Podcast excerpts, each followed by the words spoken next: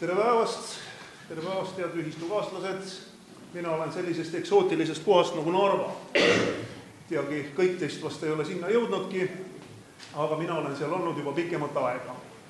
ja Narvat nimetatakse hea energialinnaks. nii et energiat on seal küll, aga ma läheksin algatuseks natuke ajaloo poole. et kuna siin täna on juba ajaloost juttu olnud, siis äh, algatuseks küsimus, et äh, omal ajal millise probleemi lahendamiseks moodustati töögrupp, kuhu kuulusid bioloog, keemik, arhitekt, jurist, filoloog, psühholoog ja veel mõned inimesed. millise probleemi lahendamiseks? ei tule vastust. nii, see on väga lihtne asi, kuna ma ütlesin ajaloost, on natuke hilisem ajalugu, kui siin eelnevalt juttu oli, kolhoosi aeg, kartuli koristamine kolhoosi põllul väga lihtne ju. kõik inimesed saadeti ju järjest sinna korjama meenut-, nüüd tuleb meelde küll, eks ju. no eks Tartu Hoiu-laenuühistu ole ka ju omamoodi selline kolhoos, aga heas mõttes kolhoos, mitte niisugune nõukogudeaegne kollektiivne hosjaistva, nagu see tõlkes on ju see kolhoos, aga selline kapitalistlik, kapitalistlik lähenemine asjale ja mul on hea meel, et Tartu Hoiu-laenuühistu on Narvas juba mõnda aega, aastast kaks tuhat viisteist. Ja vaatasin natuke numbreid, siis kui Tartu Hoiu-laenuühistu ostis hoone Narvas ja hiljem siis avati ka kontor, siis oli Tartu Hoiu-laenuühistu liikmeid kokku noh, natukene üle kahe tuhande. Ja bilansi maht kas ta oli seal mälu järgi nüüd kuskil kaksteist miljonit või. ja nüüd selle ajaga tänase päevani on ühistu liikmete arv kasvanud juba üle kolme poole tuhande, mis on märkimisväärne. ja Narvas on võetud Tartu Hoiu-laenuühistu päris hästi vastu ja tänagi uurisin just, et kuidas siis äh, meie liikmed on, et siin vahepeal kardeti igasugust majanduskriise, äh, kas võetakse raha ära, ei, inimesed toovad raha juurde inimestel on usaldus Tartu Hoiu-laenuühistu vastu. ehk siis äh, nad ootavad äh, tuulikutest kasu lõpptulemusena. kõige suurem huvi, mis neil on, ongi see, et millal me saame dividendi, sellepärast et elektri hind on läinud kõrgeks, see tähendab, ja tuul on ka läinud kõvemaks miskipärast, kogu aeg on tuuline. ja sellega eeldatakse, olgugi et see viib inimese vähekene niisugusesse kognitiivsesse dissonantsi, ehk siis siit on dividendid tulemas, aga kodus tuleb elektri eest ka rohkem jälle maksta. et kumb see nüüd parem on? aga noh, alati on see dividendi moment on äh, parem, et see läheb natuke paremini äh, noh, taskusse. aga mis siis on Narvas äh, probleemid või siis väljakutsed? siin Harri rääkis sellest, kuidas ei taheta lasta ehitada üht-teist-kolmandat, see on siis see nii-öelda not in my backyard sündroom ehk mitte minu tagaõues Narvas oli ka selliseid äh, juhtumeid, üks huvitavam oli see, et Narva linna piirile taheti ehitada sigala. noh, et äh, Narva linna päris mitte, aga just piiri peale. ja rahvas läks elevile, ütlesid ei, mis te nüüd, te lubate küll odavat sealiha, aga see hais. Öeldi küll, et tänapäevased nõuded ja ega seda haisu ei tulegi midagi. ei, oldi vastu ja nii ta ära jäi teine näide, mis puudutaks nüüd kohalikku omavalitsust ja eraettevõtlust, ehk siis PPP, private public partnership, ehk siis avaliku sektori ja erasektori koostöö. minu juurde tuli üks, ühe soliidse firma esindaja, kelle kapital on umbes kolmsada miljonit eurot, nad on päris kõvad tegijad, neil on ehitatud väga suuri objekte lisaks Eestile Lätis ja Leedus. Neil on suured hooned, ehk nad ehitavad valmis ja sinna siis võtavad alla üürnikke ja teenivad selle pealt raha. ja nemad tulid selle jutuga, et Narva on ju spaad vaja. me oleme seda spa juttu Narvas ajanud pikka-pikka aega et äh, saaks selle, et ei Narva Jeesus ei viitsi sõita, see on ju nii kaugel, see on neliteist kilomeetrit. Narva inimene on laisk, meil on kõik seal käe-jala juures tegelikkuses, et ühest linna otsast teise sõidad maksimum kümne minutiga. ehk täpselt välja arvutatud, et kui ma selle enda töö juures tahan Peetri platsile volikogu juurde sõita, siis ma olen seitsme minuti pärast kohal, et nii täpselt käivad need asjad. ja siis tuli selle spa jaoks ka ankurrentnik kohale, oli sinna võimalus saada ka üks kaubanduskett, siis fitness-saalid, väga niisugune konkreetne asi, üheksa miljonit investeeringut ja läksime meie ajutise linnapea juurde. Te võib-olla teate, Katri Raik on selline nimi kõlanud. ta tuli siin nüüd natukene aega tagasi maha võtta, ma ei hakka rääkima, mille pärast, aga, aga oli mille pärast. ja ütleme, et näete, et selline asi, vot üheksa miljonit, selline koht, kui te teete konkursi, keegi tasuta ei tahtnud, tehke palun konkurss, andke meile need igasugused tingimused kätte, ärge liiga lõtve tingimusi, et mingid suvalised ei tuleks, kes võtavad selle hoonestusõiguse ära ja pärast sinna mitte midagi ei ehita. tehke üks korralik, korralik niisugune konkurss. Mille peale Katri Raik tegi vingus näo, et ei tea, kas see sobib ja me alles siin ehitasime ühe asja, noh, selleks, tema nimetab seda Sisekaitseakadeemiaks, mina nimetan seda ühiselamut ujulaga. ehk siis ujula küll on, aga see ei ole spa ja sinna ei saagi minna niimoodi tavarahvas, sellepärast et politseinikud ja päästeametid on, ametnikud on selle ära hõlmanud. ehk siis Narva linnal oleks vaja ka uut ujumiskohta, ka linnasauna ja ei taha ja lõpuks vaibuski ära, selle peale ütlesid ettevõtjad, et eks me oota, et loodame, et valijad teevad õige valiku ja ei vali seda linnapead tagasi. jah, eks kõikide asjadega kaasneb bürokraatia, bürokraatia on üks kõige vastikumaid asju ettevõtjatele.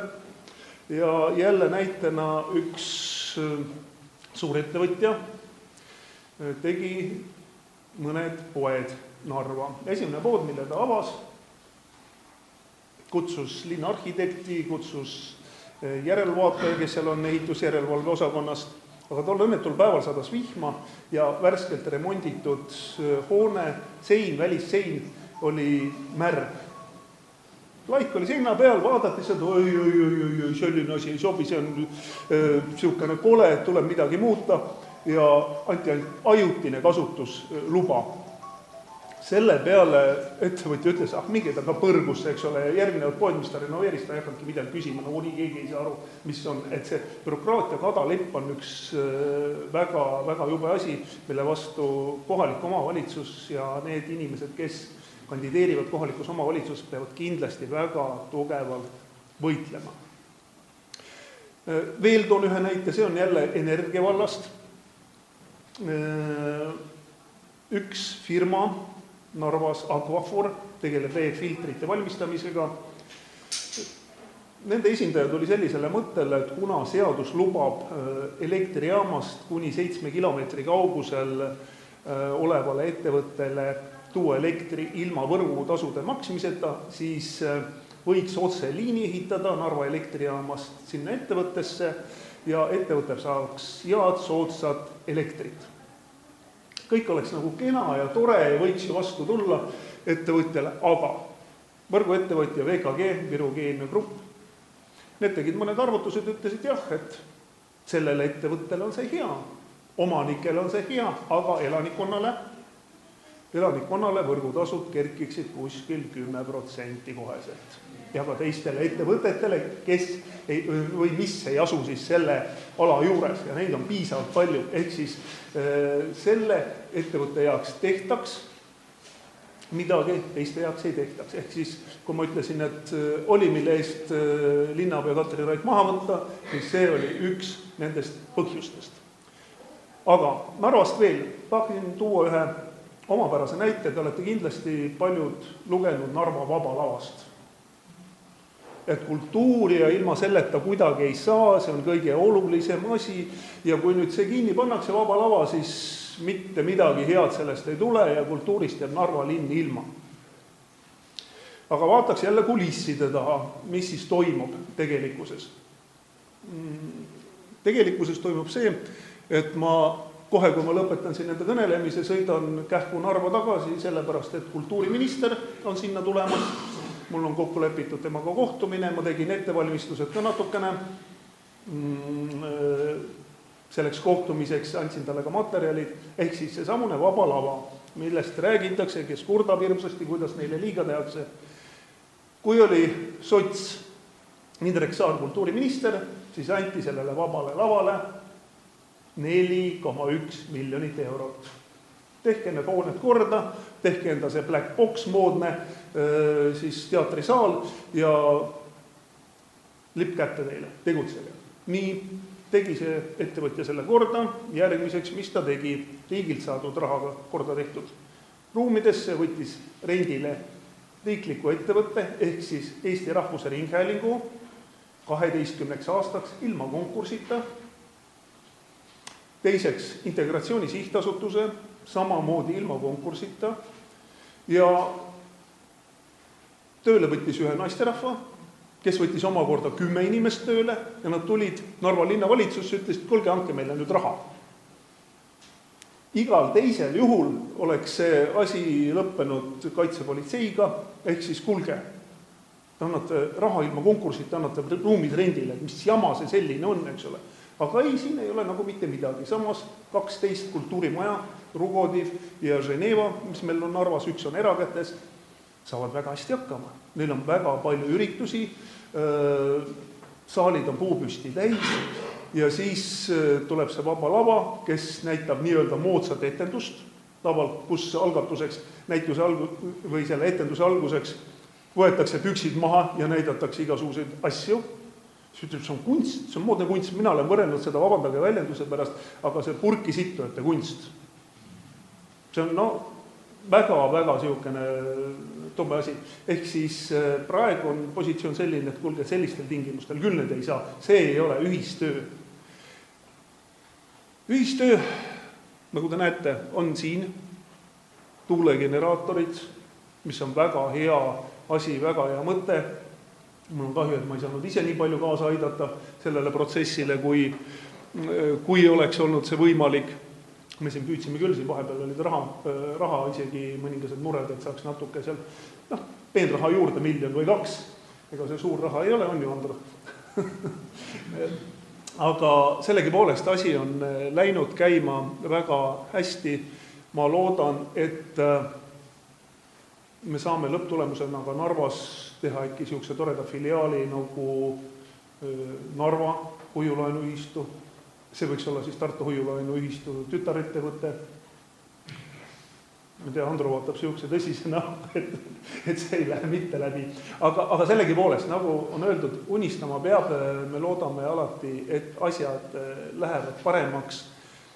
koostöö puhul mis ma olen toonud võrdluseks, saate lugeda ka ühistu lehes, et see ühistu veksel, mis meil on, et see võiks tegelikult olla igal omavalitsusel ka selline huvitav võimalus, ehk siis mitte täpselt sama, aga sarnane, et siis, kui mingi firma tuleb kuskilt väljaspoolt teist omavalitsust, näiteks noh, ütleme Tartu firma tuleb Narva, siis linn maksaks kümme protsenti näiteks kohalikus vautšeris, ehk siis kõik teenused või siis kaubad tuleks selle eest osta ainult koha peal, see kehtiks ainult Narva linnas näiteks. see ükskõik millises omavalitsuses on see ka.